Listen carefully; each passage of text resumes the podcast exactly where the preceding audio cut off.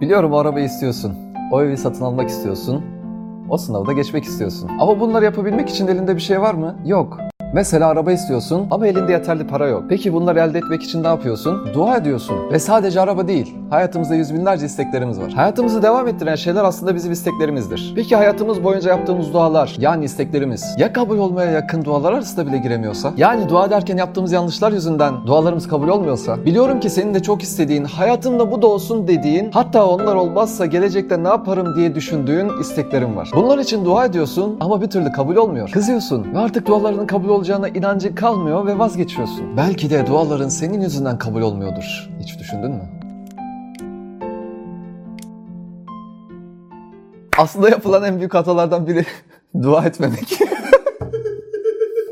Bazen şöyle düşünüyoruz. Daha namaz bile kılmıyorken nereye elimi açayım ki? Hangi yüzü Allah'ın karşısına çıkıp dua edeceğim ki? Etsem de kabul olur mu? Bir şey diyeceğim. Bu kadar mı umutsuzsun? Peki hangi günahın Allah'ın rahmet okyanusundan bir damla eksiltebilir? Bizim Rabbimiz İslam'ın bir sütunu olan Hazreti Hamza'yı öldüren Hazreti Vahşi'yi huzurda kabul etmek için ayet indirmişken sen hangi kapıdan geri çevrilmeyi düşündün ki? Şimdi hayal et. Bir gemidesin ve gemi bir delikten içeri hızla su alıyor. Soruyorum sen önce deliği mi kapatırsın yoksa o suları önce dışarı mı atarsın? Aklı olan insan önce deliği kapatır. Çünkü istediğin kadar suyu dışarı atsan da o delikten fazlası içeri girecek. Aslında demek istediğim şey şu. İlk önce tövbe et, o deliği kapat, daha sonra duanı belir. Diğer türlü gemideki gibi o suları dışarı atmaya çalışırsın. Bu da boş bir çabadır. Bir de Muaz şu var biliyor musun? İki makbul dua arasında yapacağın dua makbul olur. Peki düşündüğün zaman makbul dua hangisi? Salavat en makbul dua değil midir? Yapılan bir diğer yanlış da ümitsiz olmak. Mesela bir padişah hayal et. Sen hiçbir şeye sahip değilken sana zenginlik vermiş. Seni en güzel elbiselerle giydirmiş. Karnını doyurmuş, sana en güzel manzaraları göstermiş. Ve bütün ihtiyaçlarını karşılamış. Şimdi sen o padişahın karşısına çıksan ve 10 lira istesen ve 10 lira isterken de verir mi vermez mi diye tereddüt etsen. Sana bunca nimetlerini veren o padişahın bu tereddütünü bilse senin ona olan güvensizliğinden dolayı 10 lirayı sana vermez. Şimdi Rabbinin sana vermiş olduğu nimetlere bak. Dünyaları verseler vermeyeceğin gözlerin var. En güzel madenleri verseler kılına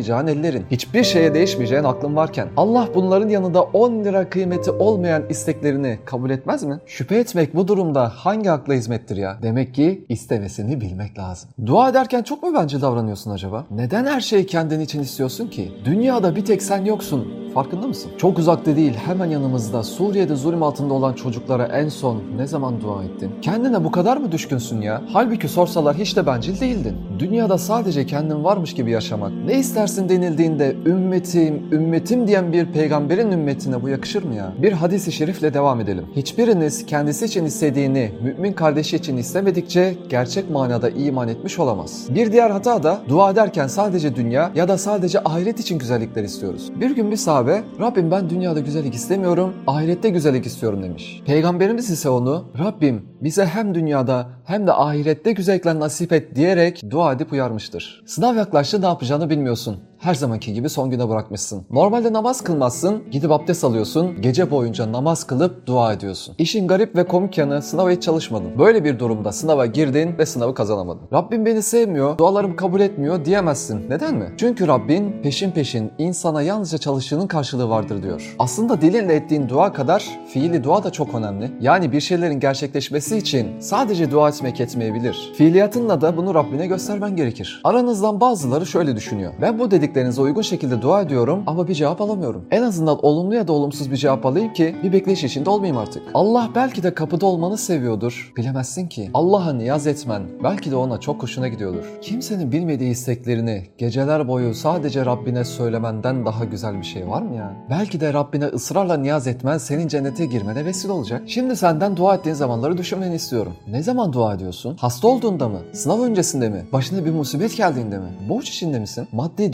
durumun mu kötüydü yoksa? Neden Allah'ı sadece kötü olduğun anlarında hatırlıyorsun ki? Neden mutlu ve istediğin her şeye sahipken Allah'a dua etmiyorsun? Sıkıntılı anında Allah, Allah deyip refaha kavuşunca Allah'ı unutmak sana yakışıyor mu? Belki de dualarının kabul olmamasının bir nedeni de budur. Bazen bütün şartlar yerindedir ama duan yine de kabul olmaz. Allah Bakara suresinde bütün dualara cevap veririm derken benim dualarım neden kabul olmuyor diyebilirsin. Aslında gözden kaçırdığın bir nokta var. Kabul etmek başkadır, cevap vermek başkadır. Mesela bir doktora gittiğini düşün. Ben hastayım bana Novalgin ver desen doktor ya Novalgin'i verir ya da hastalığın ilacı bu değil deyip daha iyisini verir. Ya da sen hasta değilsin deyip ilacı sana vermez. Üçü de bir cevaptır. Hiç denilebilir mi ki doktordan ilaç istedim bana cevap vermedin? Elbette denilemez. Allah da senin dualarını kabul etmiyorsa ya daha iyisini verecektir ya istediğin şey senin için hayırlı değildir. En güzeli ise bu dünyadaki dualarını ahirette kabul edecektir. Allah'a emanet olun.